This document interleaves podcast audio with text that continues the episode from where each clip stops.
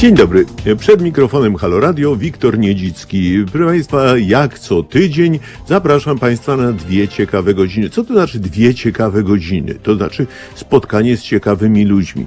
Ale oczywiście niektórzy mówią, no dobrze, ale jak to jest być ciekawym człowiekiem? No, trzeba mieć ciekawe życie. No tak, ale znów pytanie, to jak zrobić, żeby mieć ciekawe życie? No i właśnie są ludzie, którzy potrafią zrobić sobie ciekawe życie. No, jak Państwo doskonale wiedzą, w sobotnich programach Halo Radia e, zwykle staram się przedstawiać osiągnięcia i najciekawsze prace polskich naukowców.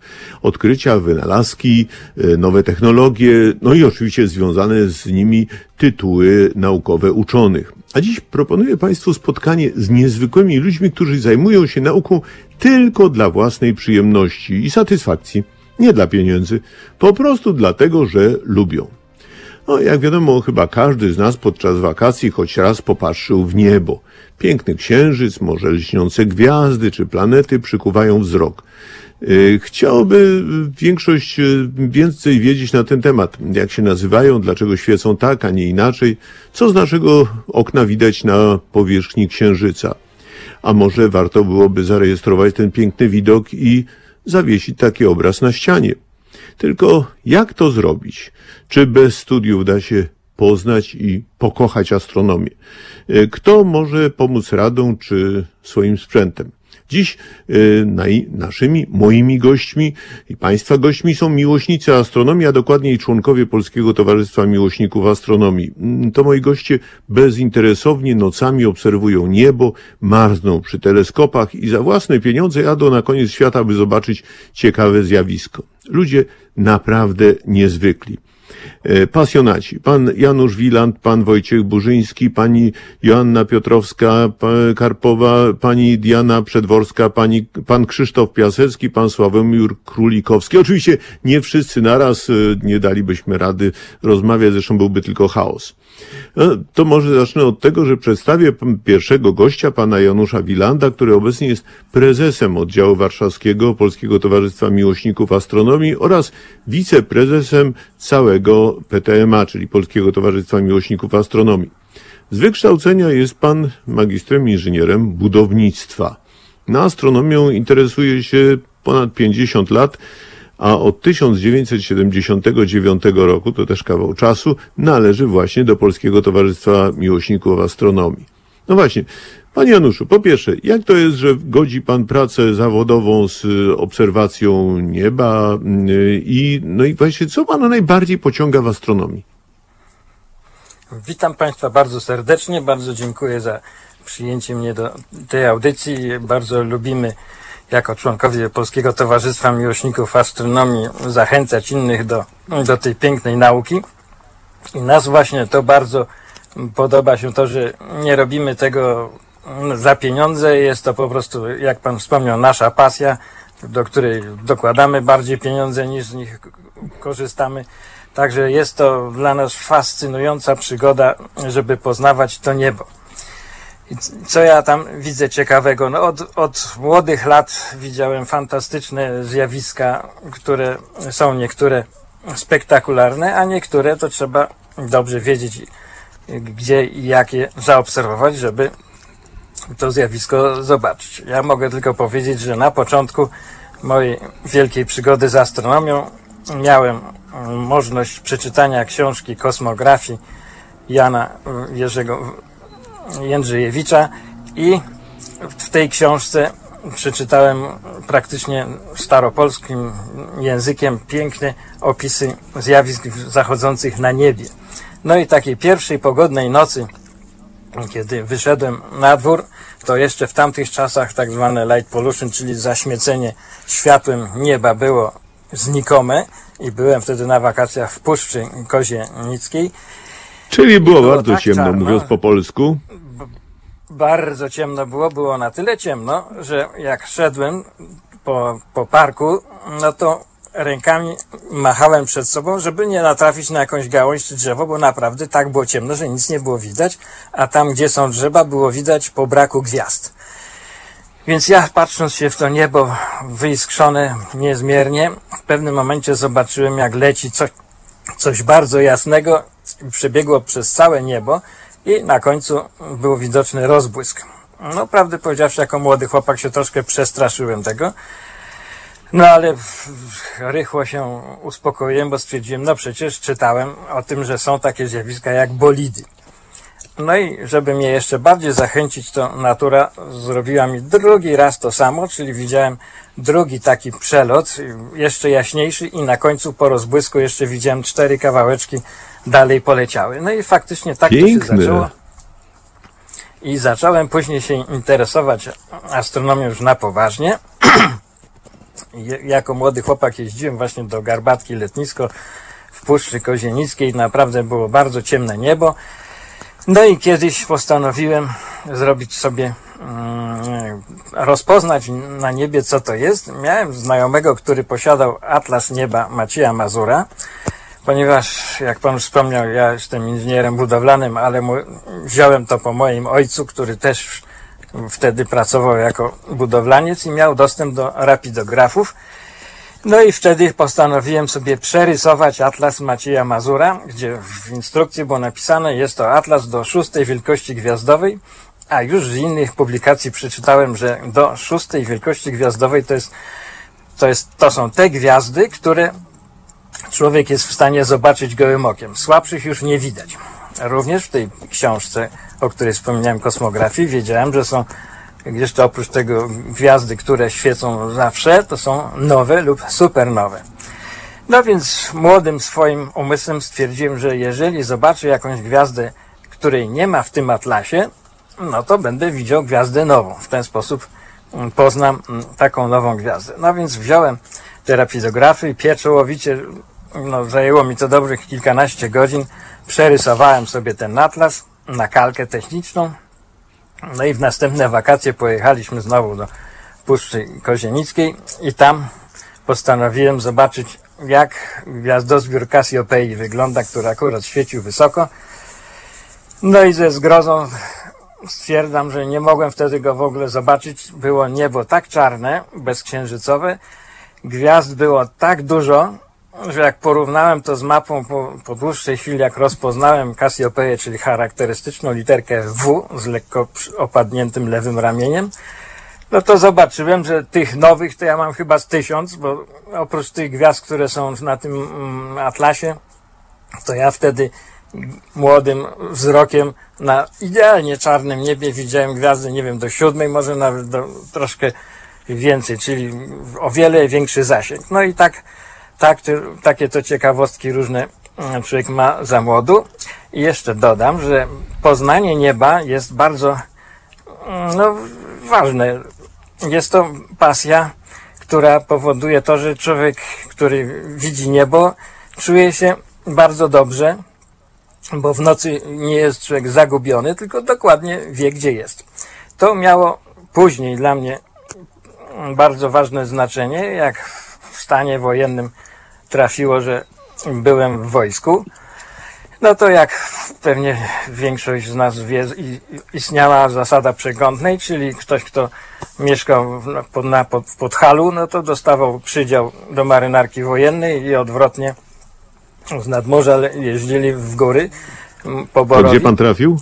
No i ja trafiłem do centrum Polski, do Inowrocławia i stamtąd nie później tak jeździłem w, w różne, no tak, jeździłem stamtąd w różne tereny Polski, ale wiedziałem jedno, że tam gdziekolwiek by mnie nie wysłali, to w nocy jestem u siebie w domu. Także ja wychodzę, czy nawet jak nie znam tego, tej miejscowości, jakieś puszcze mnie tam y, na poligon wysyłają, no to w nocy jestem u siebie i tutaj miałem właśnie ten luksus, że inni byli zagubieni, a ja wiedziałem, że tak popatrzę na gwiazdy i mam w tej No właśnie, te znajome obiekty to, to jest oczywiste, natomiast to może inaczej. A jakie najdziwniejsze albo może najciekawsze obserwacje prowadził pan w swoim życiu?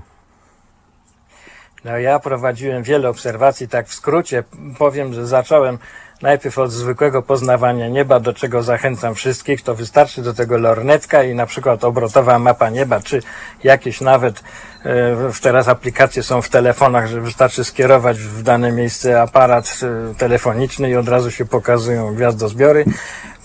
No i przepraszam bardzo, że ja wejdę panu w słowo, ale takie mapy nieba na przykład, no czasami e, niektóre gazety dodają do swoich wydań, e, były takie bardzo ładne e, no, mapy nieba wydawane w- jako kalendarze.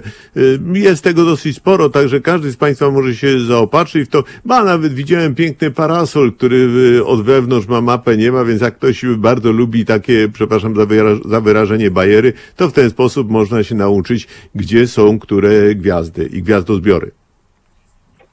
Oczywiście, że tak, z tym, że od razu mówię, że na tych mapach, na tych mm, parasolach nie ma planet, więc dobrze wiedzieć niebo, jak wygląda stałe konstelacje, natomiast są widoczne bardzo wyraźnie jasne planety na niebie, których, których się na mapach nie zaznacza, gdyż one zmieniają stale swoje położenie. I tutaj mogę od razu powiedzieć, że ci, którzy oglądają, to zachęcam do obej, jak się tylko ściemni w najbliższych dniach, miesiącach, na, na południe, jak spojrzymy w kierunku południowym, nisko nad horyzontem są dwie jasne takie, dwa jasne takie punkty. W tej chwili z prawej strony jaśniejszy widoczny jest Jowisz, a nieco z lewej strony jest Saturn.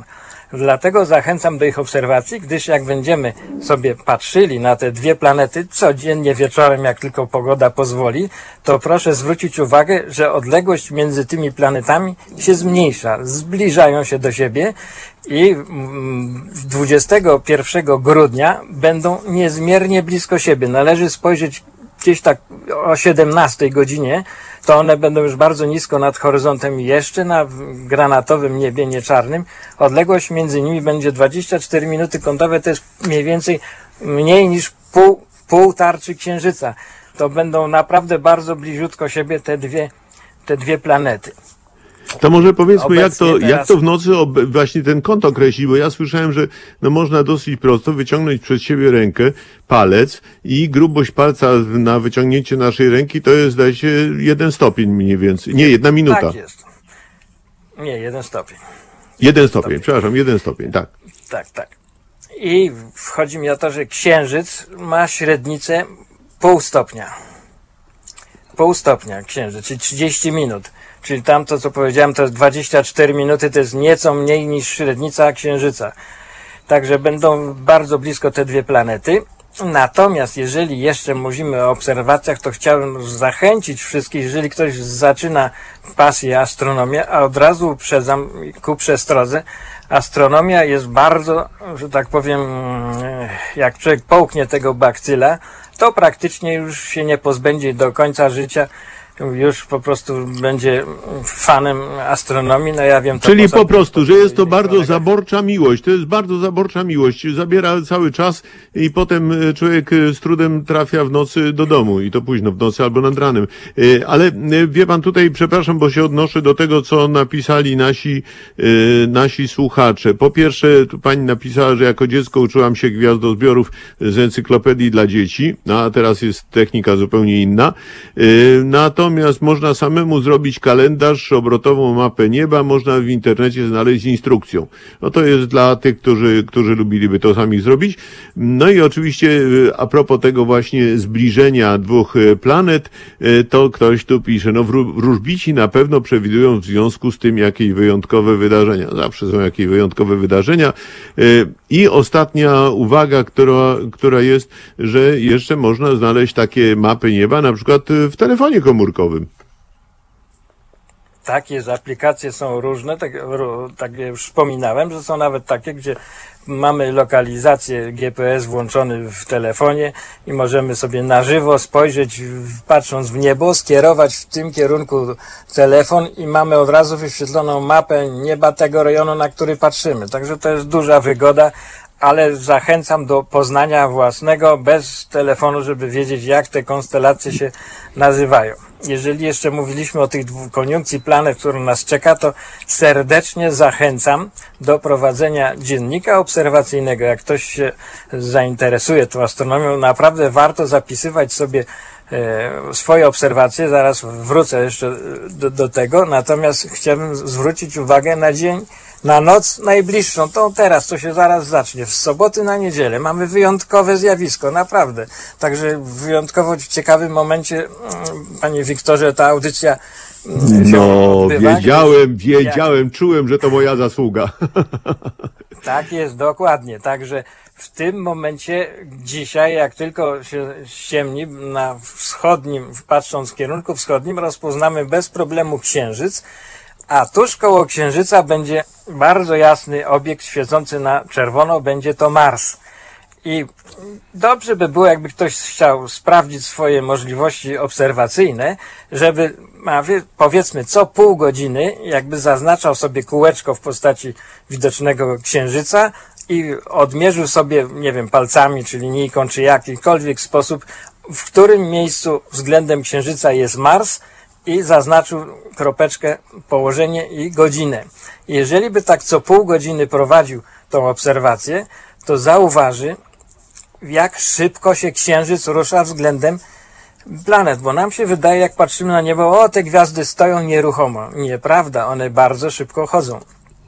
Planety i, i księżyc na przykład, więc szczególnie księżyc, który porusza się jeden miesiąc na, znaczy jeden obrót na miesiąc mniej więcej, czyli 12 stopni na dobę, a to jest jedna godzina w ciągu jednej godziny średnica księżyca zmienia się na tle gwiazd. Także do, do rana, a nad ranem jest ta największa koń- zbliżenie księżyca do Marsa, będzie to naprawdę blisko, także fantastycznie się złożyło, także serdecznie zachęcam najbliższą noc patrzeć się w kierunku wschodnim, jak księżyc zbliża się do Marsa. Ja No to- wrócę do tej No właśnie, właśnie. Do tych najciekawszych, naj, najbardziej niezwykłych obserwacji. No właśnie, bo pan, pan mnie zapytał o to najciekawsze, właśnie dlatego pro, prosiłem o ten prowadzenie dziennika, gdyż w 79 roku, jak tylko się zapisałem do PTMA, to było bodajże 19 sierpnia, było niecodzienne zjawisko widoczne na niebie. Ja akurat opisałem to kiedyś w internecie i później w Uranie się to ukazało, historia pewnej kolacji, bo rzeczywiście kolacja była niesamowita. Kroiłem świeżutkie bułeczki wieczorem, ale pomyślałem sobie, rzucam to wszystko na stół, pobiegłem do okna do swojego pokoju, wyglądam, patrzę w górę, a tam widzę takie jasne bolidy lecą, świecące się na żółto, na czerwono, na zielono, zostawiające żółte, długie smugi na 10 stopni. No. Leciało to ze 20 sekund. Było to niesamowite widoczne, bo to nie, meteory latają taką kreseczkę, robi to w ciągu No nie, tak, ułamka tak. sekundy i znika. A to 20 sekund leciało, świecąc dużo jaśniej niż najjaśniejsza Wenus, która jest widoczna na niebie. I takich kawałków było ze 4 czy 5, takich tuż koło siebie, taka zwarta grupa. No. Później, następnego dnia, wielk, mam te o, artykuły z Ekspresu Wieczornego Życia Warszawy. Okazały się artykuły, że ktoś widział UFO w szyku trójkątnym, inny widział O, leciały na 200 metrach wysokości, ponieważ widział chmury, a one leciały pod chmurami. Żeby było śmieszniej, to później jest relacja pilota, który IM-62 leciał i widział wysoko nad sobą te obiekty. No więc ja swoją relację spisałem i przesłałem do mm, mojego prezesa wtedy PTMA Warszawa. On to przesłał dalej. No i mm, pani Honorata Korpikiewicz zebrała to w książce te wszystkie obserwacje, a raptem było sztuk trzy. Trzy były obserwacje wykonane przez praktycznie miłośników, pasjonatów astronomii. Żaden astronom zawodowy w tym momencie nie zaobserwował tego zjawiska, a chociaż setki, wiele osób widziało to zjawisko, bo było widoczne w całej Polsce. No i później okazało się, że e, te, te obiekty wleciały mniej więcej na 80 kilometrach nad, nad ziemią, zaczęły tam się rozgrzewać, że zaczęły się świecić i na wysokości 55 kilometrów na, nad ziemią to chyba za, zakończyło to lot i w każdym razie dla mnie leciało aż, aż bardzo nisko nad horyzontem i zniknęło z mojego pola widzenia. Więc tą moją relację zapisałem do swojego dziennika. Dziennik nazywałem Księga Gwiazd Janusza i tam mam wszystkie swoje obserwacje w ciągu 20-30 lat, do których wracam z dużą przyjemnością i satysfakcją. Umieściłem później tą swoją obserwację w internecie i również tutaj bardzo zachęcam, żeby nie trzymać tych swoich obserwacji w szufladzie, bo to w końcu się to zmieli i wyrzuci, ale żeby to jakoś udostępniać. I proszę sobie zwrócić uwagę, że jak była katastrofa Kolumbii, ja oglądałem w telewizji tą katastrofę Kolumbii, to patrząc się na, na te, akurat ktoś filmował, to tak myślałem sobie, ależ to podobnie wyglądało do tego z 79 roku. A dodam tylko, że w tej książce te, te bolidy były opisane jako późne, jako Perseidy bo jeszcze wtedy ten rój promieniował i akurat jak gdyby z tego, z tego punktu one leciały.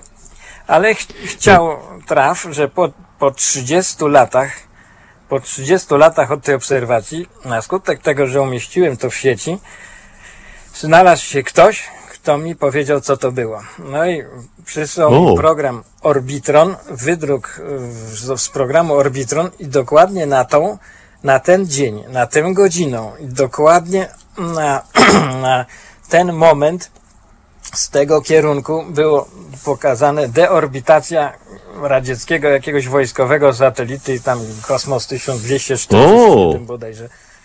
I się okazało po 30 latach, że co ja wtedy widziałem. Także warto swoje obserwacje pisać i jednocześnie publikować, bo jaka będzie tego na końcu historia, tego nie wie nikt. Super, wspaniała opowieść. Ale e, to teraz drugie pytanie. No, ja tak troszeczkę pana przyspieszam, bo jeszcze mamy drugiego gościa, pana Wojciecha Burzyńskiego, ale za chwileczkę do pana Wojciecha Burzyńskiego dojdziemy.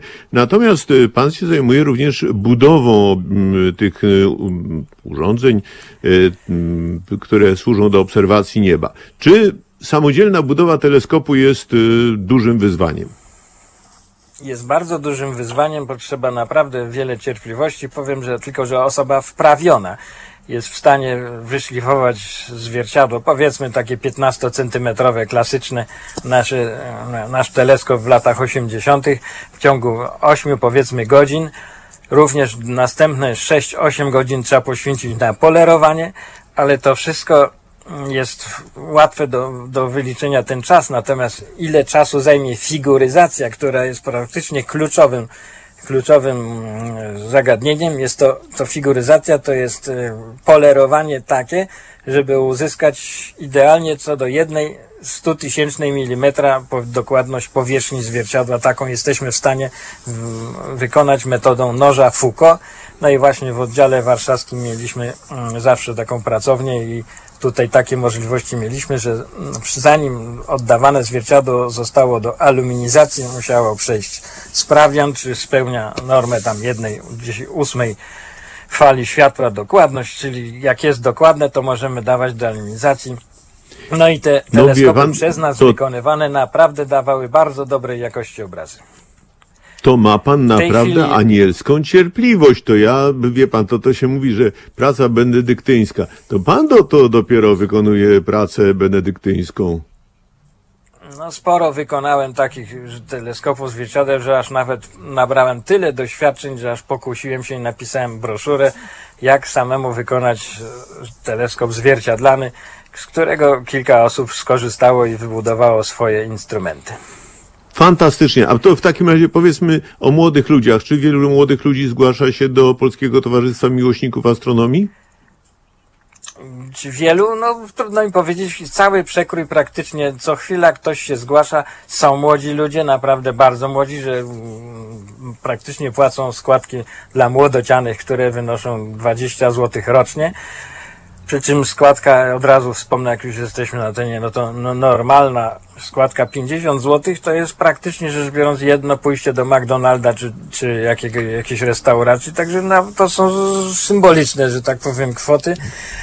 I, I przynależność do, takie, do naszego towarzystwa serdecznie zapraszam, gdyż to mamy 100 lat, mieliśmy niedawno uroczystości stulecia i jest to bardzo mm, fantastyczne dla mnie towarzystwo, że ja należę do niego już ponad 40 lat i, i dopiero jak się zapisałem do PTMA, to moje możliwości wzrosły. Tu poznałem ludzi, którzy obserwacje prowadzili różne, i gwiazdy zmienne, komety, zaćmienia słońca, zakrycia gwiazd przez księżyc. Naprawdę w astronomii jest bardzo wiele dziedzin, które można się poświęcić, nie trzeba wszystkiego.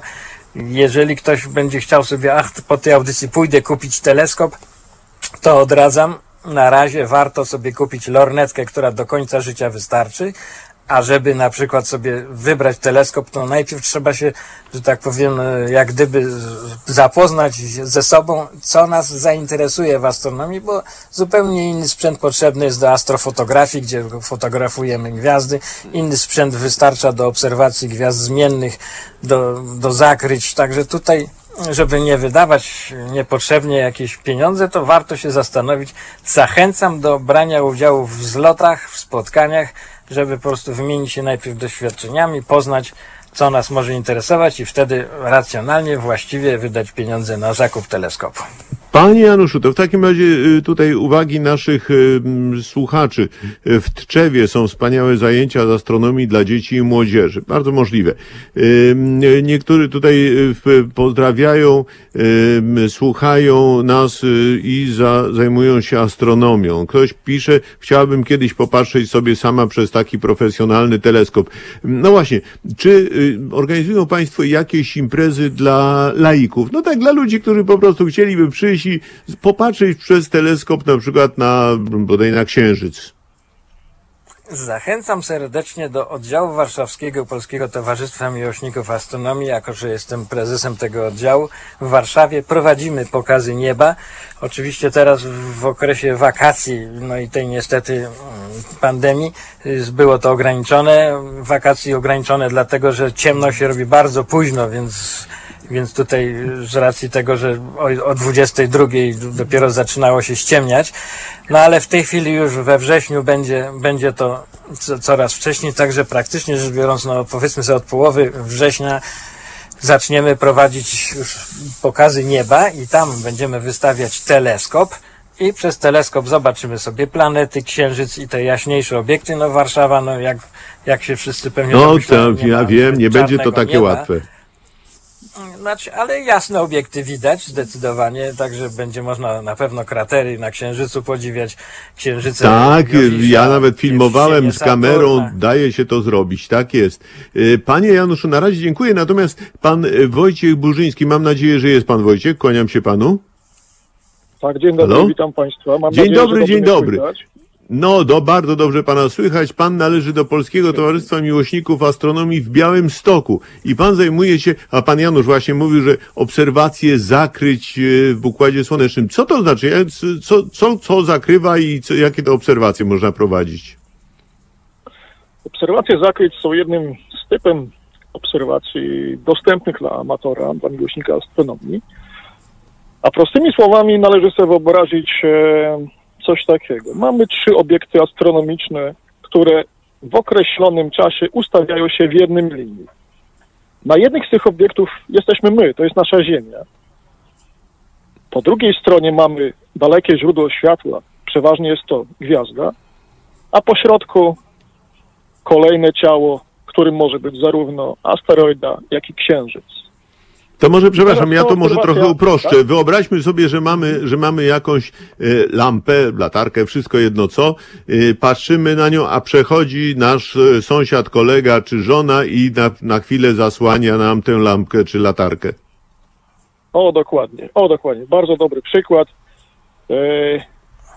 Wobec tego, co musimy wykonać jako obserwator? Zanotować dokładny czas przejścia tego sąsiada, tak? Kiedy on dokładnie nam wszedł w źródło światła, zasłonił lampę i kiedy lampę odsłonił.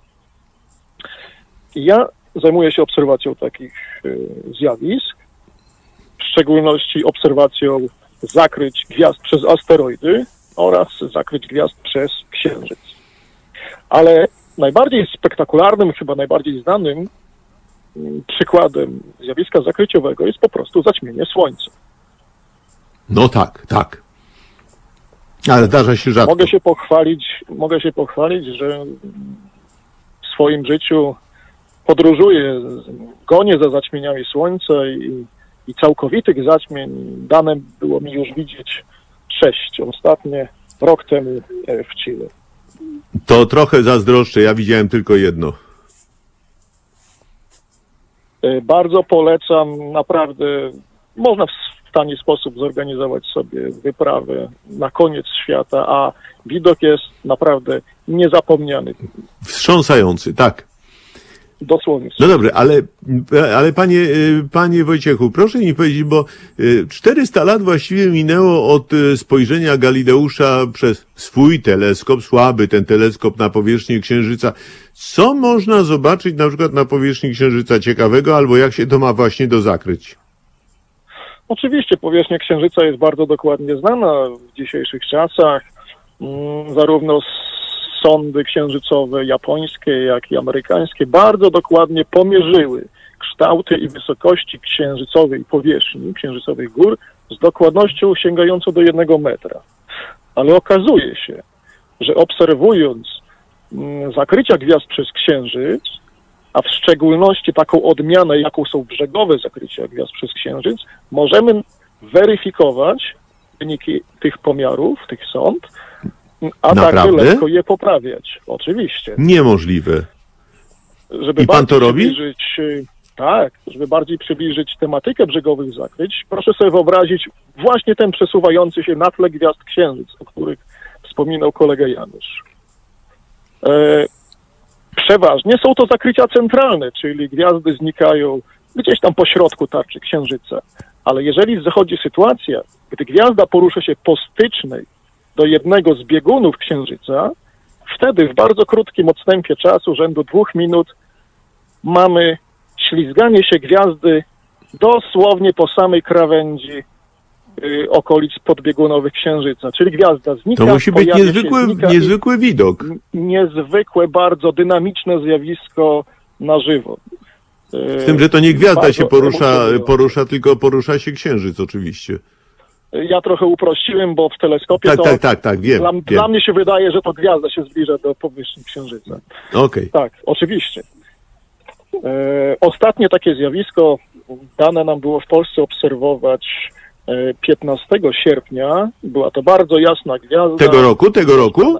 Tak, widoczna gołym okiem. Y, Nawet obserwowaliśmy ją grupowo, to znaczy w dwóch oddalonych od siebie o ponad 200 kilometrów miejscach.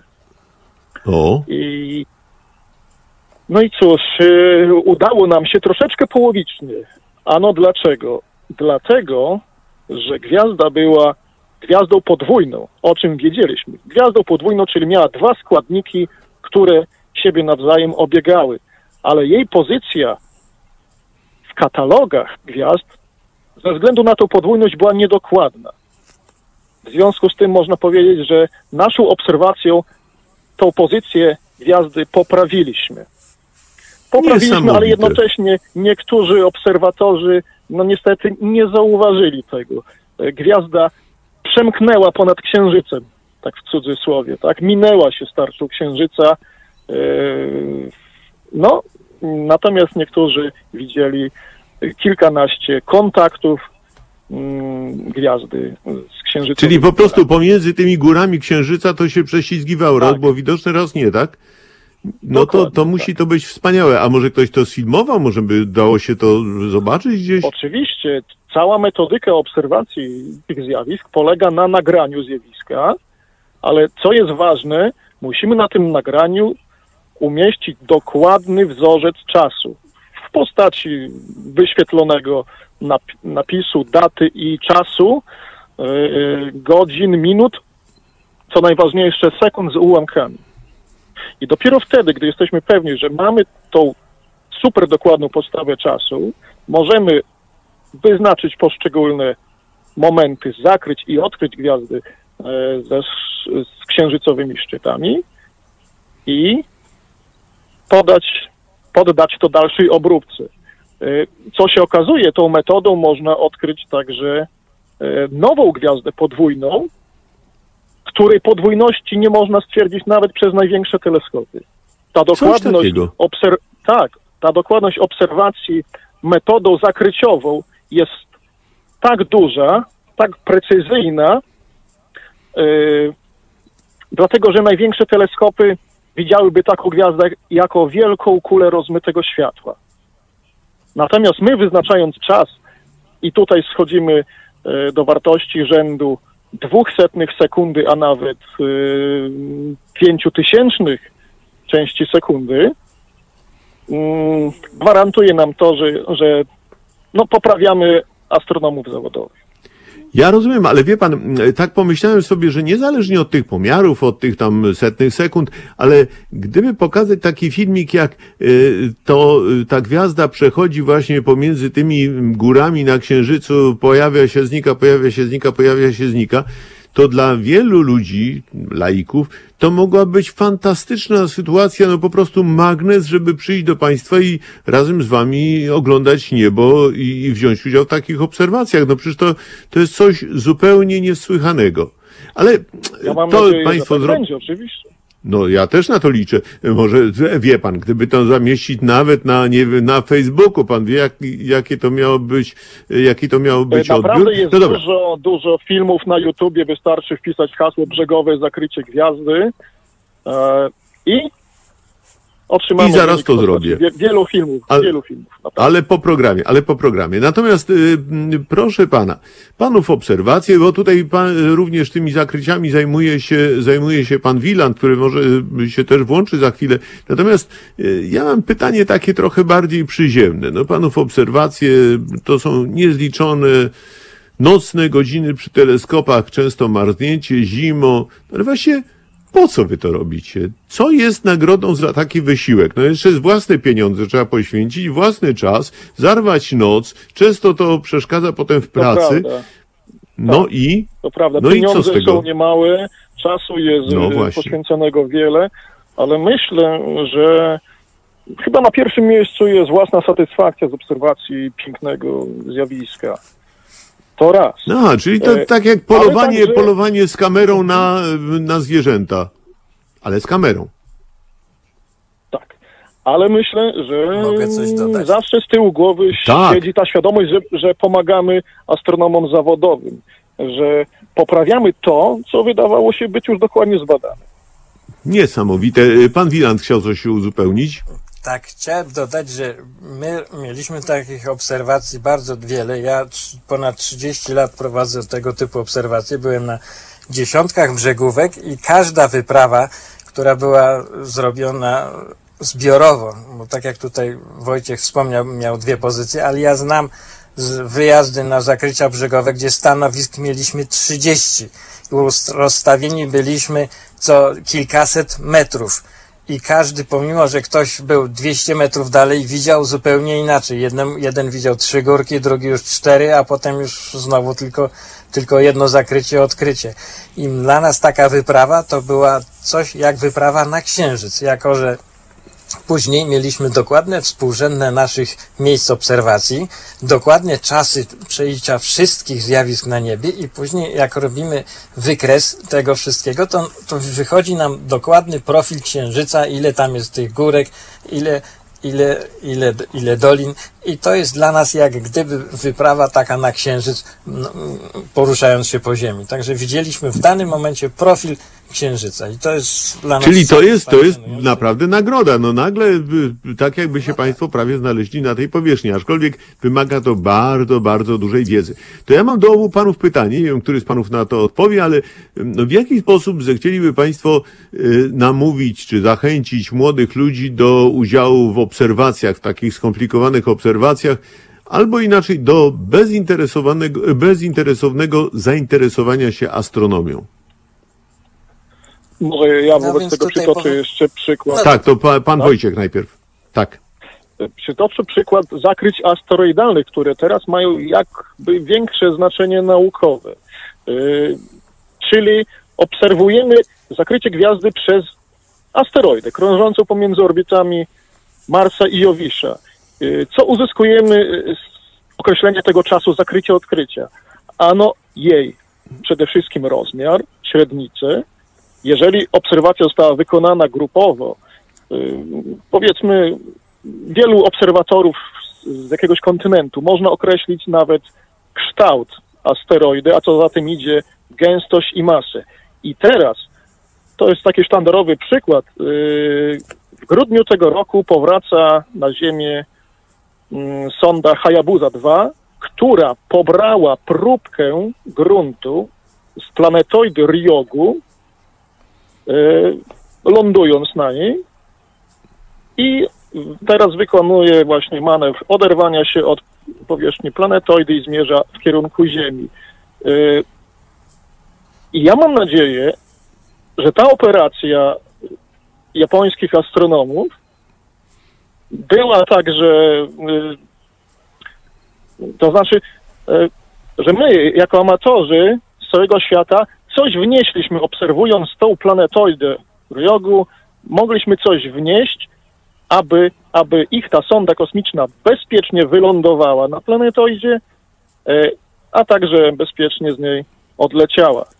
Mm, Po prostu tymi zakryciami asteroidalnymi określamy dokładną pozycję asteroidy w przestrzeni, a przy tym pomagamy wobec tego zawodowcom, na pewno oszczędzając y, im mnóstwo zmartwień, no, a w przeliczeniu mnóstwo milionów dolarów w razie niepowodzenia mm, takiej misji kosmicznej.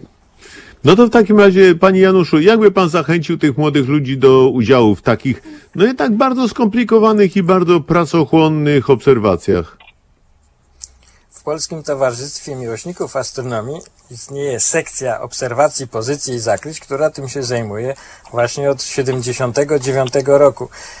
I zapisując się do naszego towarzystwa i kontaktując się z naszą sekcją, no to w tym momencie jest informacja, wymieniamy się informacjami o, o następnych tego typu zjawiskach, o, o wspólnych zbiorowych obserwacjach, bo w przypadku zakryć brzegowych gwiazd przez Księżyc, no to jedynie sens ma w zasadzie zbiorowa obserwacja, bo pojedyncza obserwacja nic tam nie da. Dopiero zbiorowa obserwacja jest w stanie wyznaczyć mm, dokładny promień tego kształt profilu Księżyca. W latach 80. i 90. te nasze obserwacje zwykłych zakryć gwiazd przez Księżyc miały cel taki, jeszcze wspomnę, że można było poprawiać jak gdyby dokładność orbity i, i samego obrot obiegu Ziemi, ob, Księżyca, a w tej chwili mm, sondy właśnie japońskie spowodowały tak dokładne wyliczenie profilu i pozycji Księżyca, że praktycznie z tych obserwacji y, zostały zaniechane i nie są istotne. Głównie brzegowe gwiazd przez Księżyc jeszcze możemy robić i w tej chwili to, co Wojciech wspomniał, nacisk się kładzie na obserwacje planetoidalne, czyli zakryć gwiazd przez planetoidy.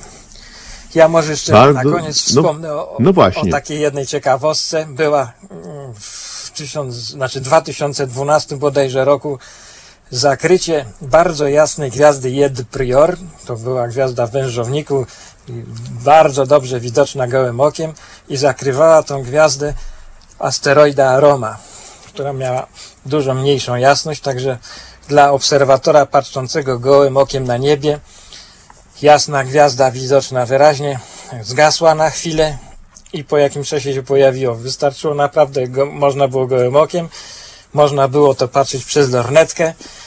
No i była to na tyle atrakcyjna obserwacja, bo pas jej przechodził przez Szwecję, Niemcy, Francję, tam Portugalię.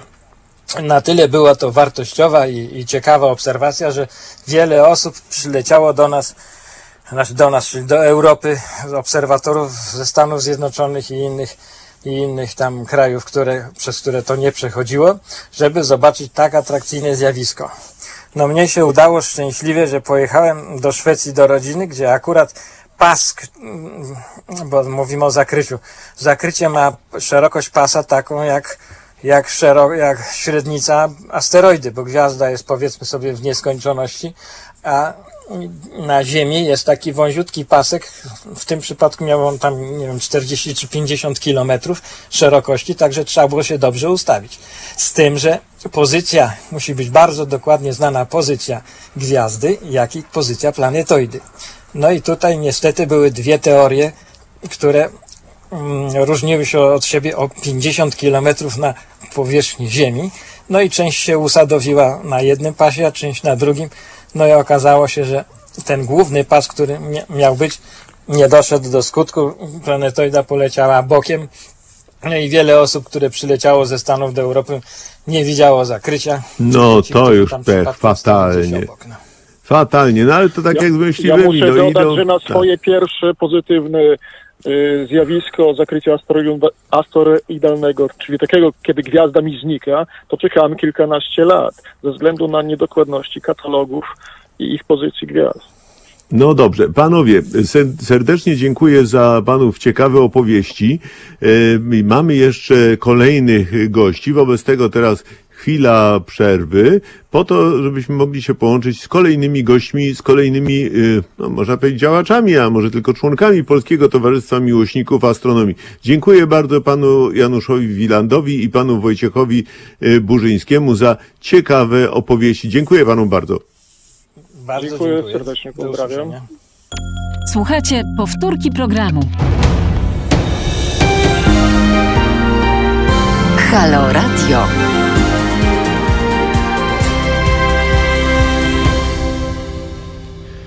A w Halo Radio y, w dalszym ciągu przed mikrofonem Wiktor Niedzicki rozmawiam z ciekawymi ludźmi, z ludźmi, którzy sami sobie to ciekawe życie organizowali i organizują. Y, Nasi słuchacze już się odzywają i podpowiadają różne rozwiązania.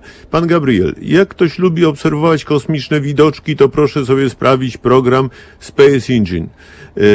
Y, Potem, że nie trzeba od razu kupować drogiego teleskopu, takie programy powinny być prezentowane e, w szkołach i że wystarczy lornetka, no bo jak kogoś nie wciągnie, to, to po prostu szkoda wydatków. Tu przy okazji warto się przespacerować. W Warszawie jest taki sklep Delta Optical, gdzie można się poradzić po prostu, jakiego rodzaju sprzęt y, potrzebuje, zwłaszcza amator. Y, no i jeszcze tutaj mamy, że kiedyś Google miało program do oglądania gwiazd y, i ktoś właśnie mówi, że, że właśnie lornetkę weźmie, bo z teleskopem to jest duży problem. Mam już, mamy już połączenie z dwiema paniami. Pani Joanna Piotrowska-Karpowa uczęszczała na spotkania w Polskim Towarzystwie Miłośników Astronomii w Warszawie, a obecnie jest magistrem nauk ścisłych ze specjalizacją w astrofizyce. Czyli jak widać, to takie amatorskie oglądanie to się naprawdę czasami opłaca. A studia pani ukończyła na Uniwersytecie w Cambridge. No, gratulacje. Master of Science y, of Astrophysics. No, no, no. No i pani oczywiście się doktoryzuje. Ym, No to w takim razie może pani najpierw powie, jak spełnić swoje marzenia i studiować za granicą. Dzień dobry, dzień dobry wszystkim słuchaczom. Pięknie dziękuję za, e, za możliwość rozmawiania dzisiaj w studiu. Żeby spełnić marzenie studiowania za granicą, przede wszystkim musimy zacząć myśleć w miarę wcześnie.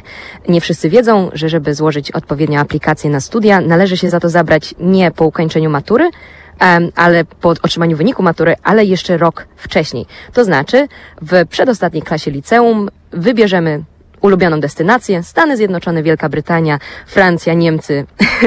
Wybór jest ogromny i zastanowimy się, gdzie chcemy aplikować, ponieważ aplikacje zaczynają się już w październiku e, roku przedmaturalnego. E, To znaczy, e, wybierając, wybierając kraj, następnie musimy się upewnić, że znamy język na odpowiednio wysokim poziomie. Jeżeli czujemy się komfort, komfortowo z wybranym językiem, w tym momencie możemy już szukać odpowiednich wymagań, które stawia nam e, dany uniwersytet. W No przypadku bo każdy Wielkiej pewnie ma Brytanii, a inne oczywiście. Oczywiście, oczywiście. Niestety nie ma, nie ma takiego systemu, który pozwalałby nam na sprawdzenie tych wszystkich wymagań jednocześnie, ale są bardzo dobre e, miejsca w internecie, takie jak na przykład strona e, projektu Non-Profit Project Access, na której można zaczerpnąć bardzo dużo ważnych informacji na temat studiowania za granicą. Project Access dodatkowo też oferuje możliwość, em, nazwijmy to po angielsku, mentoringu, e, w której to uczniowie polskich klas licealnych, a w zasadzie klas licealnych z całego świata mogą się zgłosić i poprosić o mentora, którym mogę być na przykład ja, bo jestem jednym z mentorów tego programu i możemy takiego, e, takiego ucznia przeprowadzić za przysłowiową rękę przez e, ten proces aplikacji. Ale to znaczy, Także- że co? Doradza mu pani, czy warto, czy nie warto, czy Cambridge, czy Oxford, a może jeszcze coś innego. Ja- Jak to wygląda tak w praktyce?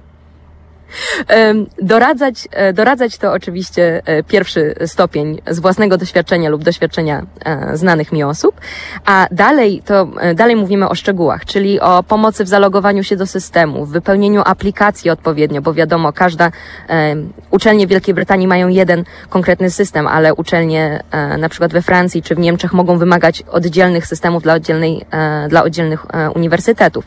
Pomagamy też w napisaniu CV czy takiego listu motywacyjnego, który po angielsku nazywa się Właśnie, personal który statement. jest bardzo ważny. Szalenie ważny dla takiej e, aplikacji, by mogła się ona udać e, z sukcesem. E, Przepraszam, ja, to e, może, może szczerze, zostańmy na chwileczkę przy tym, przy tym liście, bo to jest bardzo, ja tutaj chcę zwrócić uwagę, bo niektórzy to po prostu piszą, często e, nawet ubiegając się o pracę, że no chcę w ogóle pracować, mam tam tego, jestem wybitny w każdej dziedzinie i chciałbym coś robić. Wydaje mi się, że to jest chyba błąd, bo trzeba napisać, co w danej, na danej uczelni, co mnie najbardziej interesuje i dlaczego właśnie chciałbym studiować na tej uczelni, a nie na innej. Czyli trzeba znać również dokonania albo zainteresowania wykładowców na tej uczelni. Tak ja to rozumiem. To jest doskonały punkt, jednak to nie wszystko. E, najważniejsze w personal statement ze strony, powiedzmy, z perspektywy Wielkiej Brytanii jest e, przedstawienie siebie jako idealnego kandydata na daną uczelnię, ale mimo wszystko wyjątkowego. E, to znaczy nie możemy szukać e, schematów i tak jak na przykład aplikujemy na Cambridge, e, bardzo by się nas, bardzo by nas kusiło napisać, hmm, interesuje mnie matematyka, chciałbym, by, chciałbym być drugim Newtonem. Nie na wszystkich spadnie No, przysłowiowe jabłko z drzewa, Tak. Dlatego, dlatego też napisanie w takiej aplikacji, co widzę pracując z uczniami szkół licealnych, pracując, to znaczy pomagając im wypełnić taką aplikację, widzę, że wszyscy ci uczniowie są wyjątkowi. Są absolutnie wyjątkowi. To, czego im brakuje, Każdy to z nas jest wyjątkowy. tak, a każdy z nas jest wyjątkowy, tu się zgodzę, a ci e, uczniowie, którzy em, chcieliby e, aplikować na dane kierunki, e, mają jeszcze ten dodatkowy, są odrobinę o krok w przód, bo mieli chęć zaaplikować na takie kierunki i widać, że mają też odpowiednią wiedzę i doświadczenie, tylko nie umieją jej ubrać w odpowiednie słowa. I tutaj mentorzy Project Access bardzo pomagają. Chodzi o to, żeby e, pokazać się bardzo pozytywnie. My, Polacy, mamy taki, po, powiedziałabym, krajowe uprzedzenie do chwalenia własnych osiągnięć. A jeżeli chcemy pojechać za granicę, musimy, musimy postawić e, postawić nogę na podłodze, tupnąć odrobinę i powiedzieć: Ja jestem tym wyjątkowym studentem, e, macie całe morze innych, ale to ja jednak jestem doskonały. Także to jedna ważna, e, jedna ważna zasada dla wszystkich aplikujących: nie bać się chwalić własnych umiejętności, bo nikt tego nie zrobi za nas. Świetnie, bardzo dobrze, że pani to powiedziała. Ale proszę pani, to wróćmy do astronomii, czy do miłośników astronomii. Bo oczywiście ja liczę na to, że zrobi pani w miarę niedługo doktorat i będziemy mieli słynną e, panią astronom na Cambridge e, właśnie z Polski. Ale e, od czego się zaczęło? Właściwie dlaczego pani e, zaj- zajęła się astronomią? Dlaczego pani się zapisała do Polskiego Towarzystwa Miłośników Astronomii?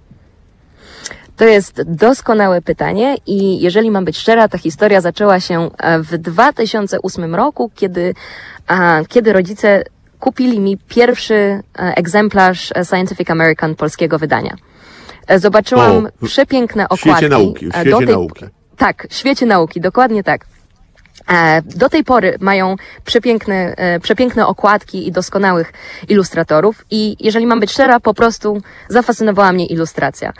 E, Przeczytałam artykuł, jak się okazało, artykuł dotyczył kosmologii, e, mówił e, konkretnie o tym, czy nasz wszechświat jest tylko jedną z, powiedzmy, jednym z wcieleń możliwych wszechświatów. Wiadomo, że artykułu zupełnie w tym momencie nie zrozumiałam, ale A to obrazki pewnie Lis. Molin, bo to, bo to on mówi o, o światach takich, prawda, równoległych czy bliźniaczych.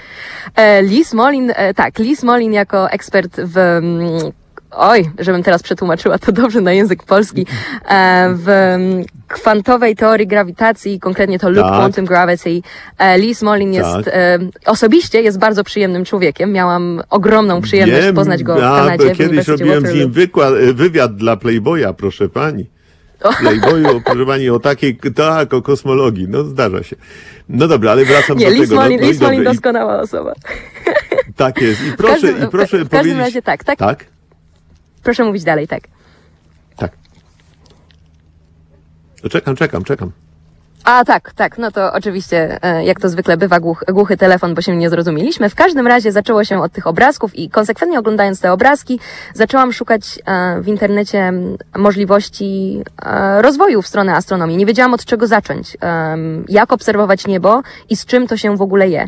I miałam okazję znaleźć przypadkowo w Google Polskie Towarzystwo Miłośników Astronomii. Poszłam na pierwsze spotkanie i dzięki temu, tej wspaniałej grupie ludzi z niezwykłym doświadczeniem, słyszeliśmy dzisiaj pana Janusza Wilanda czy pana Wojciecha, to są, to są osoby, które mają lata profesjonalnego doświadczenia w astronomii amatorskiej, którego ja jako oficjalnie wykształcony astronom mogę tylko pozazdrościć.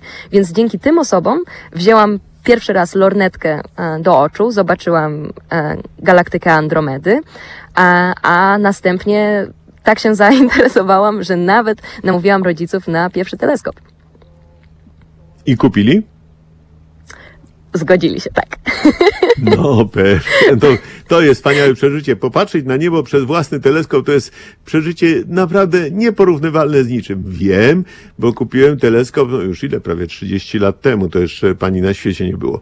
E, no dobrze, ale proszę pani, to wróćmy jeszcze raz do tej astronomii, tylko z innej strony. Jakie obiekty mm, na niebie interesują panią najbardziej? To niestety zmartwią odrobinę słuchaczy, bo są to obiekty, których nie możemy zaobserwować gołym okiem, ale są to supermasywne czarne dziury, które czają się w aktywnych jądrach galaktycznych. I No, teraz no, no. odrobina wyjaśnienia. Są to najjaśniejsze obiekty na niebie. Najjaśniejsze, mówiąc o, mówimy o bezwzględnej ilości światła, którą emitują. I e, supermasywna czarna dziura to jest obiekt, który nie emituje światła sama w sobie, e, o masie od miliona, e, od miliona mas naszego Słońca, gdzie masa Słońca to 10 do 30 e, kilograma. Em, I takie obiekty, e, takie obiekty generują tak silne e, pole grawitacyjne, że materia, która na nie opada, tworzy to, co się nazywa dyskiem akrecyjnym i tracąc e, energię potencjalną grawitacji, podgrzewa się i emituje bardzo dużo światła.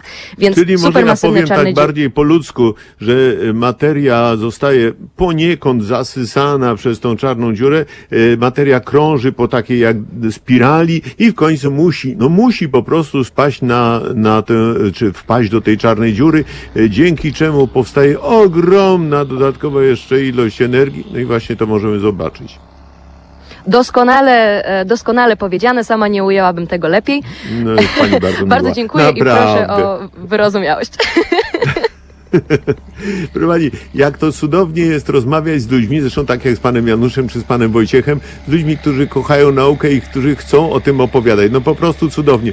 Ale te czarne dziury, proszę pani, to, to jest naprawdę fantastyczna sprawa. Ja wobec tego e, już e, z góry chciałbym się, mm, chciałbym prosić panią o kontakt, może za jakiś czas, może właśnie opowiemy o tym niebie i co tam jest i o tych czarnych dziurach i o tych niezwykłych obiektach, ale mm, w przyszłości, bo mamy jeszcze połączenie z panią Dianą Przedworską. Mam nadzieję, że pani Diana Przedworska nas słyszy. E, Dzień Halo? dobry, tak. Dzień dobry. Halo, dzień pani dobry. jest popularyzatorką astronomii. Tak, tak, tak, słyszymy się bardzo dobrze. Y, Proszę pani, jak pani jest popularyzatorką, to może pani powie, co na nocnym niebie fascynują panią najbardziej? Dlaczego? E, Przede wszystkim e, witam pana redaktora, witam państwa. Dziękuję bardzo za zaproszenie e, do audycji. E, Na początku jeszcze chciałam nawiązać bardzo króciutko do e, wypowiedzi Janusza Wilanda. E, momentu, kiedy stwierdziliście panowie w czasie rozmowy, że astronomia jest zaborczą miłością. Tak. W moim przypadku początki astronomii,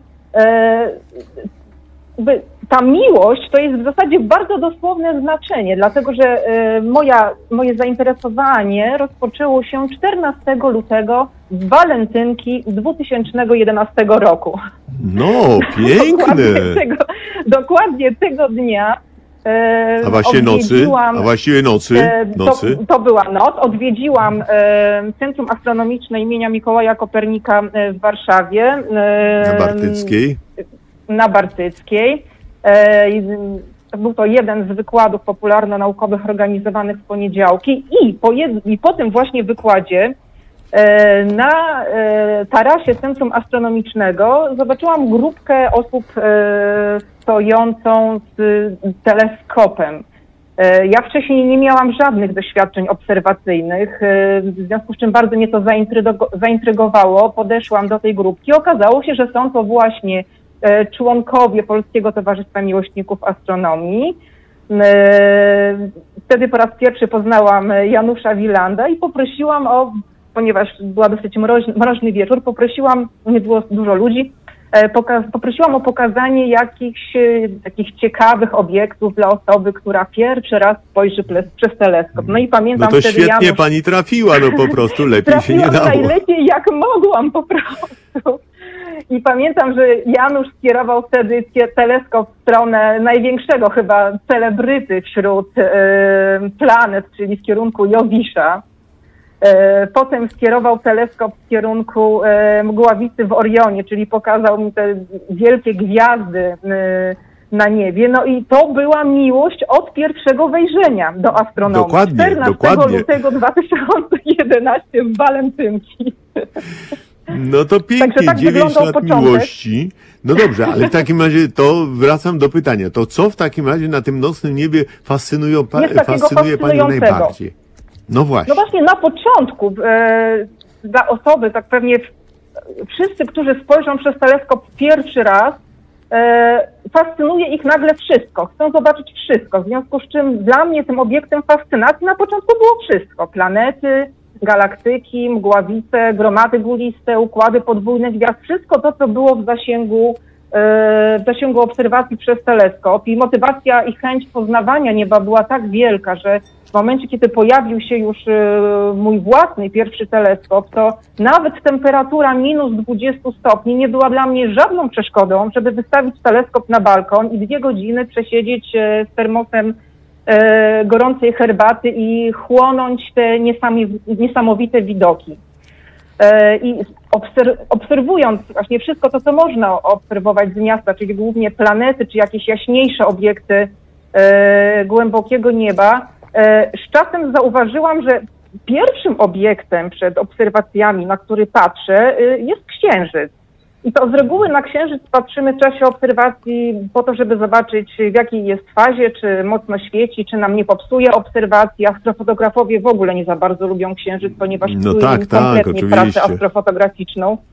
Natomiast czasem zauważyłam, że ja spoglądam na ten księżyc nie tylko dlatego, żeby sprawdzić, czy on mi cokolwiek popsuje, ale że znowu coś ciekawego dzieje się na niebie z udziałem księżyca właśnie w tym momencie i że księżyc jest w zasadzie najbardziej zmiennym w sposób taki e, zauważalny dla codziennych obserwacji obiektem. W związku z czym z czasem to właśnie obserwacje księżyca, a nie innych obiektów stały się dla mnie niezwykle fascynujące. E, odkrywały dla mnie wiele niespodzianek, można nawet powiedzieć, że inspirowały mnie do zadawania samej sobie wielu pytań i szukania na nie odpowiedzi.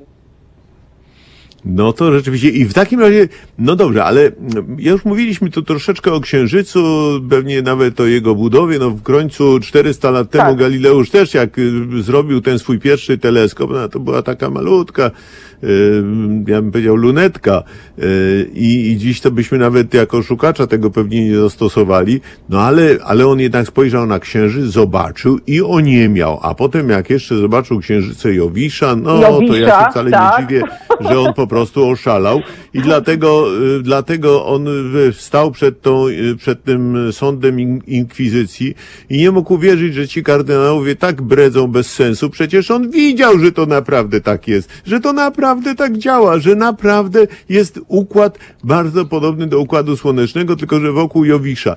I, i ci kardynałowie po prostu bredzą i nie wiedzą, bo, bo nie spojrzeli przez jego lunetę. No właśnie, ale w takim razie, co panią interesuje jeszcze w samym Księżycu i w jego budowie? To, co jest y, w- ogóle w obserwacjach Księżyca bardzo komfortowe, to jest to, że y, obserwacja Księżyca jest możliwa dla wszystkich. E, To znaczy, część obiektów, e, na przykład ob- obiektów e, głębokiego nieba, widziana z półkuli południowej, jest w ogóle niedostępna dla obserwatora z półkuli południowej i na odwrót. Natomiast Wszystkie te obiekty, które znajdują się e, gdzieś w pobliżu płaszczyzny ekliptyki, są widoczne dla wszystkich. W związku z czym e, e, Księżyc jest e, zarówno doskonale e, możliwy do obserwacji zarówno dla mieszkańców półkuli północnej, jak i dla mieszkańców półkuli e, południowej.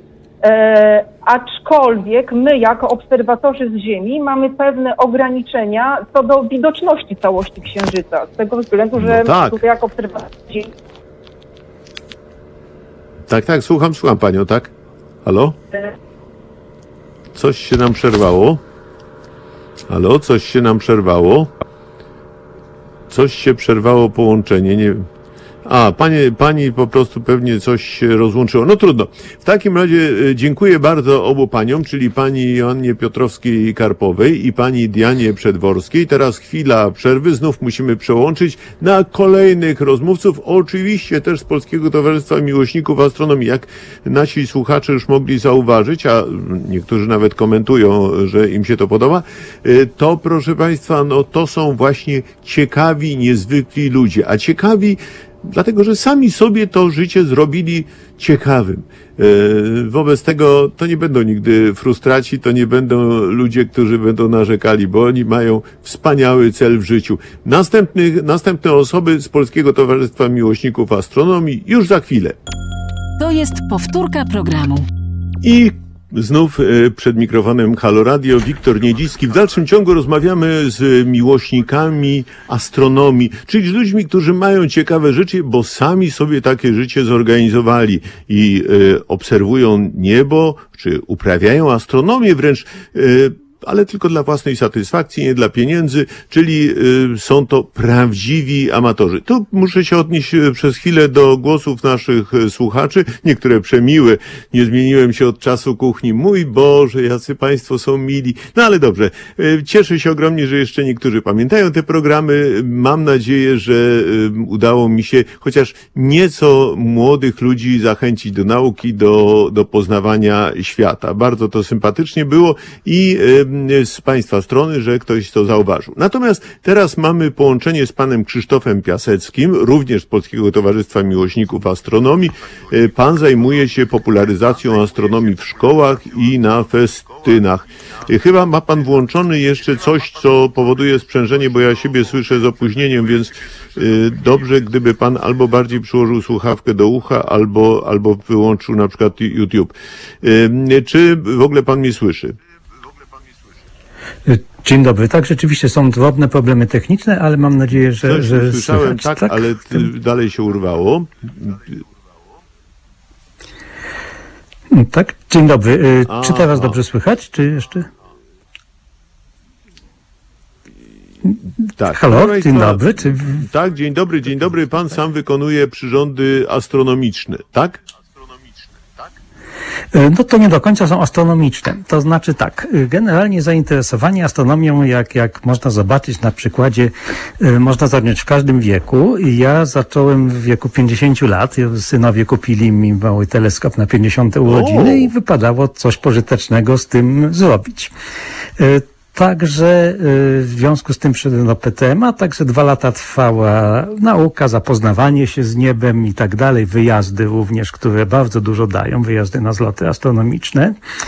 Y, A potem y, spośród różnych dziedzin, czy astrofotografia, czy, czy obserwacje zakryciowe, o których już była mowa, wybrałem sobie popularyzację jako coś, co, co było dość zaawansowane, no, y, można to bardziej zaawansować na różnym stopniu, czyli troszeczkę jesteśmy konkurencją dla pana redaktora. Aha, dziękuję E, bardzo, mam proszę pana, nadzieję, ale sekundę, że- sekundę, ja muszę panu przerwać na chwileczkę, bo mnie jedna Tak, rzecz tak. bardzo interesuje.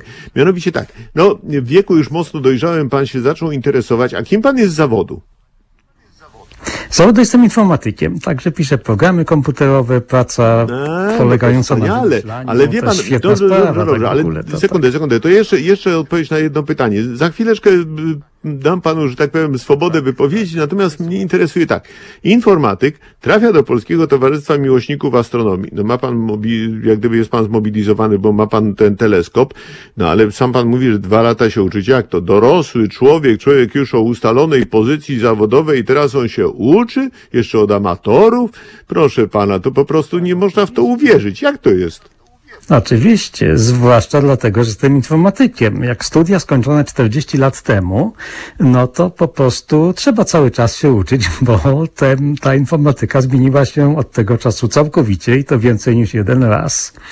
Y, Także trzeba być na bieżąco i uczyć się cały czas. Na szczęście to lubię po prostu.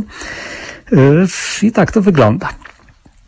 No dobrze. Jeśli To w chodzi takim o razie jeszcze raz wracam do tego. To w takim razie y, sam pan wykonuje jakieś przyrządy. Właśnie gdyby pan powiedział jakie. Po prostu zainteresowałem się y, tą popularyzacją. Najpierw y, od takich, takiego normalnego przyjeżdżania do szkół z prelekcjami i pokazami nieba. Y, Później rozszerzyliśmy działalność naszego oddziału PTMA na imprezy organizowane przez różne instytucje, czy, czy taka centralna, bardzo duża jak piknik naukowy.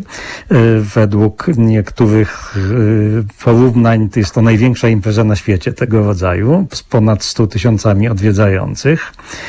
Y, Także mamy, można powiedzieć, najlepszą na świecie oglądalność nauki. No, z, z osiągnięcia to, to może przyjdą, powiedzmy. Y, Także y, albo jest też dużo imprez lokalnych. Dom Kultury w Górze Kalwarii organizuje pokazy w Opwocku.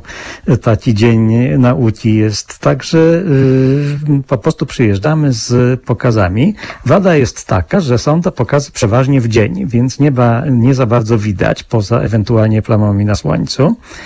Y, Mm, I dlatego trzeba zrobić coś innego. No więc trzeba było na przykład y, mierzyć obwód Ziemi z młodymi ludźmi, bo jak y, co po niektórych będzie pamiętał ze szkoły, ile on wynosi, to dobrze, ale jeżeli sam zmierzy, no to jednak zawsze inaczej to wygląda. Y, Także i taki przyrząd, taki gnomon mały do, do pomiaru i, y, i oprogramowanie do tego, bo, y, bo wymoga, wymogi takich pikników są, są takie, że do 10-15 minut musi trwać pojedyncze działanie młodego człowieka, żeby to, żeby się nie znudził i ten tak.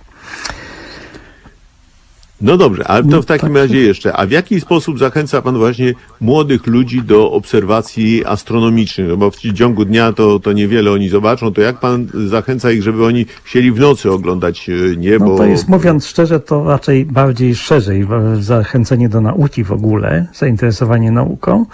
Y, Ja tutaj myślę, że y, ktoś taki jak pani Joanna, która tutaj rozmawiała, to y, zainteresowałaby się nauką, nie wiem czy na pewno astronomią, y, niezależnie od tego, czy by trafiła do PTMA, czy nie, bo po prostu osoba z takim zacięciem naukowym to, to znajdzie sobie drogę do, do tej nauki. Y, Natomiast ogromnie ważne jest wpływ na pozostałych młodych ludzi, którzy będą różne zawody, a niektórzy z nich będą tak zwanymi decydentami. No, ci, jeśli będą mieli poszanowanie na, dla nauki, no to będzie miało spore znaczenie. Możemy oczywiście nie dowiedzieć się o konkretnych przypadkach, ale, ale zapewne i Pana działalność i, i, i ta nasza, m, bardzo możliwe, że, że do czegoś takiego prowadzi. No właśnie, bo pan powiedział o tym, że pan jeździ po szkołach, no mnie się też zdarza, m, pewnie nie tak często jak państwu, ale jednak też, y, no staramy się przenieść tę wiedzę, ale z drugiej strony, no państwo są w gorszej sytuacji, bo ja mogę opowiadać o nauce właściwie w dowolnej porze dnia i nocy, a państwo tylko właściwie nocą mogą rozwinąć ten pawi ogon i pokazać tym młodym ludziom fantastyczne rzeczy. No to w takim razie, jak pan mówi na przykład y, młodzieży, żeby chcieli wieczorem pooglądać niebo? No, po prostu robimy y, takie prelekcje z y, prezentacją niemal na żywo, to znaczy z programu Stellarium bądź jakiegoś innego, omówienie obiektów, pokazy zdjęć, y, omawianie ich właściwości. Y, Także y, ponieważ staramy się też, żeby, żeby jeszcze bardziej zainteresować, żeby zawsze y, dzieci coś same zrobiły. Y, choćby, żeby podniosły takie ciężarki, które mają y, ciężar odpowiadający wadze jednego kilograma na różnych planetach. Tak? Na, O. na Jowiszu jest 2,5 kilograma na, najcięższy. A na Słońcu, no to dzieciom nie dajemy, to 27 kilogramów musiałoby być. Y, Bardzo No to i ciekawe. takie coś przemawia do wyobraźni, nawet okazuje się, że, że y, dalece nie każdy dorosły też, też o tym wie. Także co No, jest można na przykład zobaczyć, jakie są odległości pomiędzy planetami w Układzie Słonecznym. E, No, ktoś, e, Tak, ustalamy centrum, na przykład, że jest Słońce, no i teraz w odpowiednich odległościach stoją uczniowie. To jest bardzo pouczające. Tak, oczywiście i tam ostatni maszeruje 142 kroki, wszyscy liczą, kibicują, także rzeczywiście jest, jest pouczające, a bardzo proste oczywiście. Dla starszych y, mamy na przykład replikę y, zegara astronomicznego w Pradze, który znajduje w Pradze czeskiej najbardziej znany, taki średniowieczny zegar astronomiczny. Zrobiliśmy działającą y, replikę, każdy może Naprawdę? ustawić sobie Sam pan to dowolną datę zbudował? i godzinę. Tak, datę i godzinę można Niesamowite. sobie ustalić i y, wpisać do, do niego i no to sterowane komputerem oczywiście musi być w tym momencie już. Y, I on ustawia te wskazówki, można odczytać y, to, co ten praski zegar pokazuje, znak zodiaku, y, ale nie tylko, również na przykład wysokość Słońca nad horyzontem, y, także mm, fazę Księżyca. No jak No to jest, rzeczy- że ci, że ci dawni zegarmistrze potrafili zbudować taki zegar i bez elektroniki, bez komputera? Tak, tak, oczywiście. No, oczywiście tamten nie jest interaktywny, pokazuje dane na bieżącą chwilę akurat. Także potrafili zbudować rzeczywiście, y, no i takie dotknięcie historii, y, 600 lat temu zbudowane, dokładnie w roku 1410, y, to y, też ma swoje, swoje znaczenie. Aha, czyli oni mają też rok 1410 pamiętny. My mamy bitwę pod Grunwaldem, a oni zegar. Tak, tak, tak, tak, dokładnie. A proszę pana, dobra, to inaczej. Czy warto w ogóle się interesować astronomią?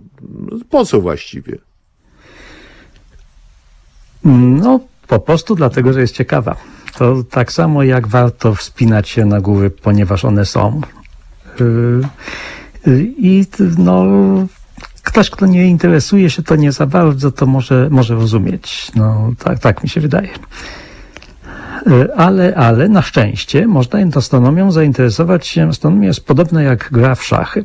Jest bardzo ciekawa, interesująca, yy, niezależnie od poziomu swojej wiedzy i yy, od poziomu, na, na którym po prostu obserwujemy. Czy najprostsze obiekty, jak, jak Księżyc przez lornetkę, yy, czy znacznie bardziej zaawansowane rzeczy, jeśli dysponujemy wiedzą i ewentualnie sprzętem. Radość i satysfakcję daje na każdym poziomie. Gra w szachy też y, przy różnych poziomach graczy, no może pod warunkiem, że są na w miarę równym poziomie. No właśnie, bo astronomia łączy jednych i drugich, y, tych, y, którzy są rzeczywiście fachowcami w swojej dziedzinie i tych, którzy po prostu chcieliby z czystej ciekawości popatrzeć na księżyc, na gwiazdy, zobaczyć mgławicę, y, zobaczyć Andromedę, więc no to jest, to jest coś takiego, co właściwie jest dla każdego na każdym poziomie, od dziecka kilkuletniego do, no właściwie do starca. Tak, oczywiście. Do, do tego astronomia łączy się z różnymi innymi naukami, a, e, A, w początkach, w początkach nauki to była uważana za, za nieomal królową nauk. Znaczy, prawdziwą królową była teologia oczywiście i potem zaraz filozofia, ale astronomia też miała ogromnie ważne znaczenie. Teraz też się łączy, także przy tych pokazach y, no, trzeba czasami odwołać się do matematyki. Zdarzają się perełki piękne, jak na przykład ośmioletnie dziecko, które wymyśliło y, zasadę proporcji, liczenie, rozwiązanie proporcji. Tak, zdarzają się niespodzianki w drugą stronę, jak taki starszy dziadek, który na wzmiankę o matematyce uciekł takim dziadkowym truchtem. No, bywa, bywa. Y, Ale generalnie y, to wszystko jest przyjmowane bardzo dobrze. Y, Może tak, w ciągu ostatnich paru lat widać zmiany wiekowe. Y, Na różne pokazy i tak dalej przychodzi coraz więcej y, rodziców z dziećmi, a coraz mniej młodzieży w wieku gimnazjalnym, niedawno, z niedawna, czy licealnym teraz. Czyli pewnie zostali odstraszeni od tej astronomii i w ogóle od fizyki przez, no, przez szkołę, bo z jednej strony tej fizyki jest bardzo mało, skandalicznie mało, a No tak, nauczyciele nauczyciele po prostu nie mają ani siły, ani możliwości, by wykonać z nimi doświadczenia. No a to przecież doświadczenia są tym najpiękniejszym elementem fizyki, który przyciąga ludzi do fizyki. No te zjawiska, to co się dzieje, ale mieliśmy mówić tutaj o astronomii, a nie o fizyce. E, No to w takim razie, gdyby pan jeszcze opowiedział, co ciekawego oferuje Polskie Towarzystwo Miłośników e, Astronomii, na przykład dla młodych i gdzie można e, się z państwem spotkać. Spotkania są co tydzień, w każdy poniedziałek, y, także po prostu y, rozmowa na y, tematy, Czyli tam na Bartyckiej, na. Bartyckiej, tak, Centrum, na Bartyckiej, Centrum Astronomicznym imienia 18, Mikołaja tak. Kopernika. Każdy może tam dojechać autobusem w Warszawie 108. Tak. Dojeżdżamy i o której tak. godzinie? Więc tak, są dwie, y, dwie rzeczy, jedna po drugiej. O godzinie 18 są wykłady popularno-naukowe, z tym, że startują od początku października. Nie jestem pewien, czy w tym roku też będą z powodu COVID-u, ale to, to się okaże. To organizuje y, Centrum Astronomiczne Astronomii Mikołaja Kopernika, czyli mm, jednostka panowska. Y, A po tych spotkaniach o 19 spotkanie towarzystwa Także możemy po prostu rozmawiać, wymieniać uwagi o sprzęcie, o obserwacjach, y, umawiać się na wyjazdy i tak dalej. Także jeśli ktoś chce ym, zainteresować się, to warto regularnie y, zacząć przychodzić. No, Czyli musi być bardzo przyjść, regularnie. bo- poradzić się, tak, tak. popatrzeć, zapytać e, państwo. tak, no państwo odpowiadają na, na różne propozycje, na właściwie na wszystko. Hmm, tak, tak, oczywiście. Dziękuję panu No, bardzo. Pan Sławomir. Królikowski, Tak. którego, z którym już jesteśmy połączeni, nie ukrywam. Pan Sławomir imponuje mi od dawna. Pan wykonuje zdjęcia nieba, ale nie tylko nieba, bardzo prostymi aparatami, a tak naprawdę to smartfonami. No widziałem pana fotografie, na przykład fotografię muchy, albo tam y, jakieś pszczoły, albo jak, czy, czyli makrofotografie. No ale smartfon i teleskop, no wydaje się to po prostu niemożliwe. Pan Sławek pokazał, że z pomocą smartfona można wykonać najrozmaitsze zdjęcia. No właśnie te makrofotografie i to wszystko to razem może być nie tylko ozdobą domowego albumu, nie tylko można wrzucić na fejsika, no ale można na przykład y, ozdobić swoje mieszkanie albo na przykład takie piękne fotografie powiesić chociażby dla swoich sąsiadów na klatce schodowej. Pewnie się nie obrażą, a może i zainteresują się. Panie Sławku, jak się to wszystko robi? E, Dzień dobry panie redaktorze, witam wszystkich Dzień dobry. słuchaczy. E, No, fotografia smartfonowa, no.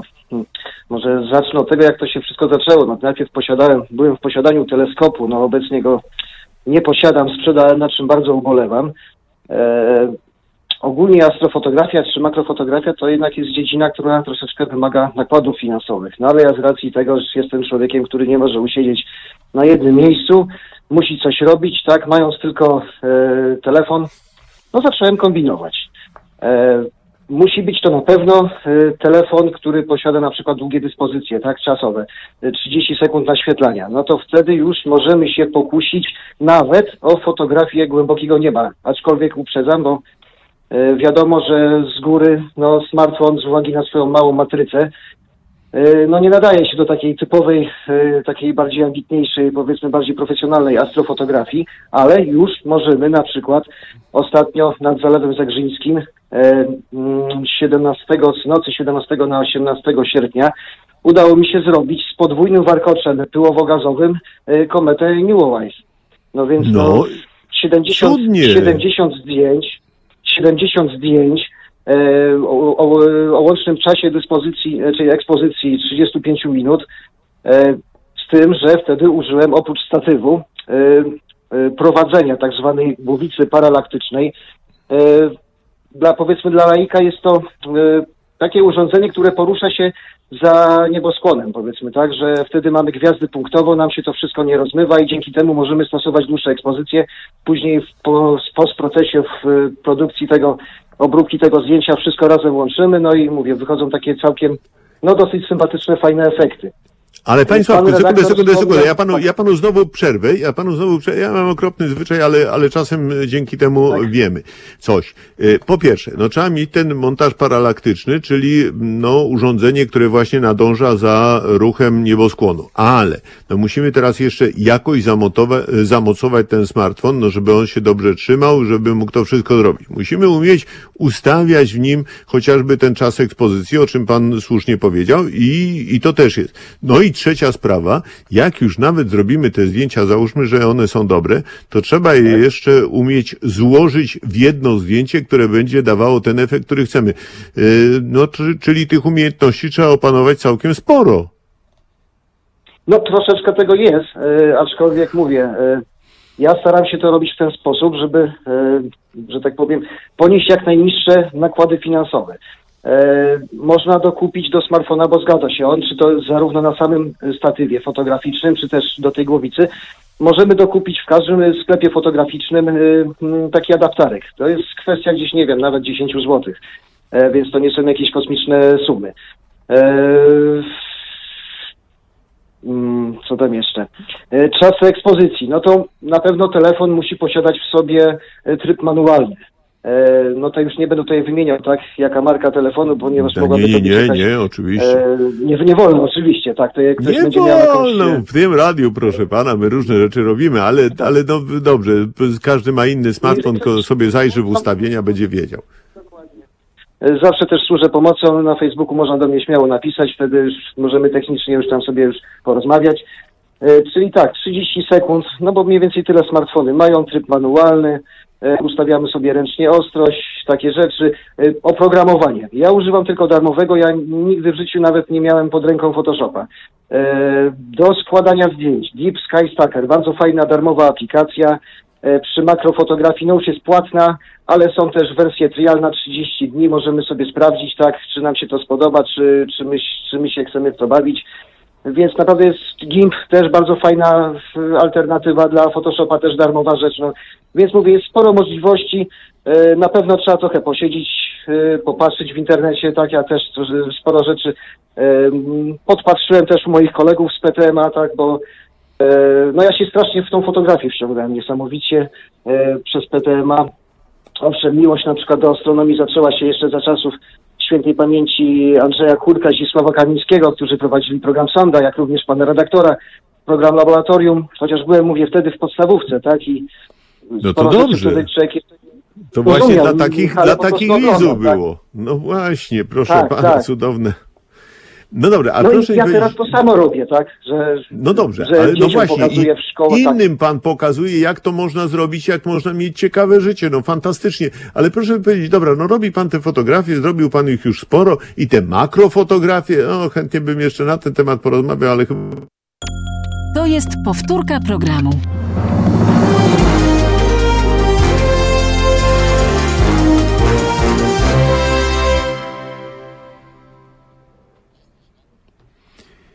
A w Halo Radio przed mikrofonem w dalszym ciągu Wiktor Niedzicki. Burza nam przerwała połączenie z panem Sławomirem Królikowskim, który właśnie fascynująco opowiadał o e, zdjęciach e, czy astrofotografii wykonywanej e, z pomocą smartfona.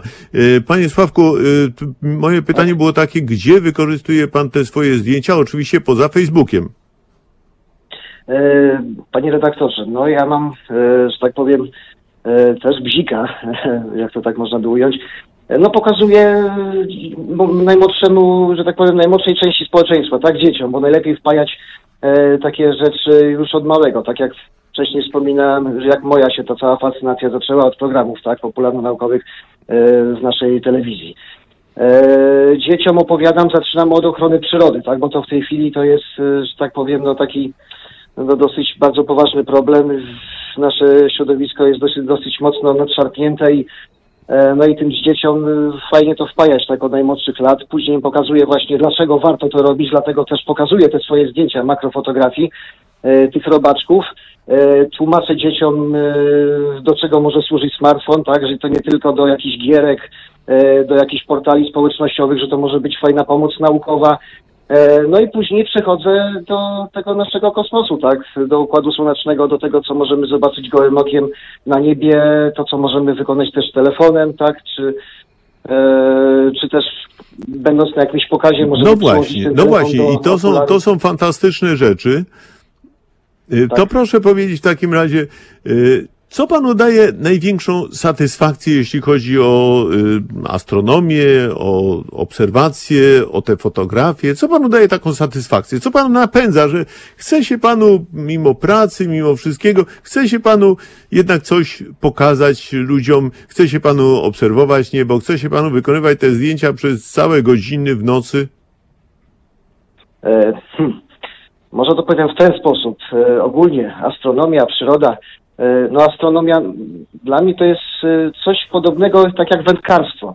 E, niby teoretycznie dwie różne dziedziny, a jednak mają wspólny mianownik. Jest nim mianowicie kontakt z przyrodą. Naszą wędką będzie ten aparat fotograficzny, no smartfon, tak, teleskop.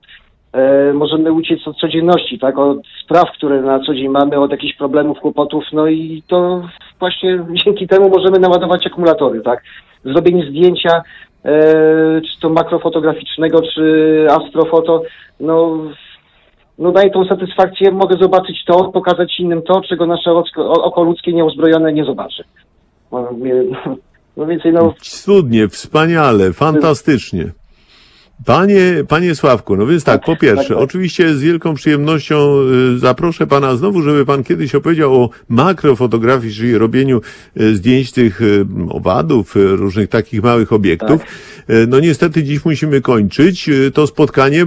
Y, Cieszę się ogromnie, że przekazał pan swoją, sw- swój entuzjazm, swoją wiedzę.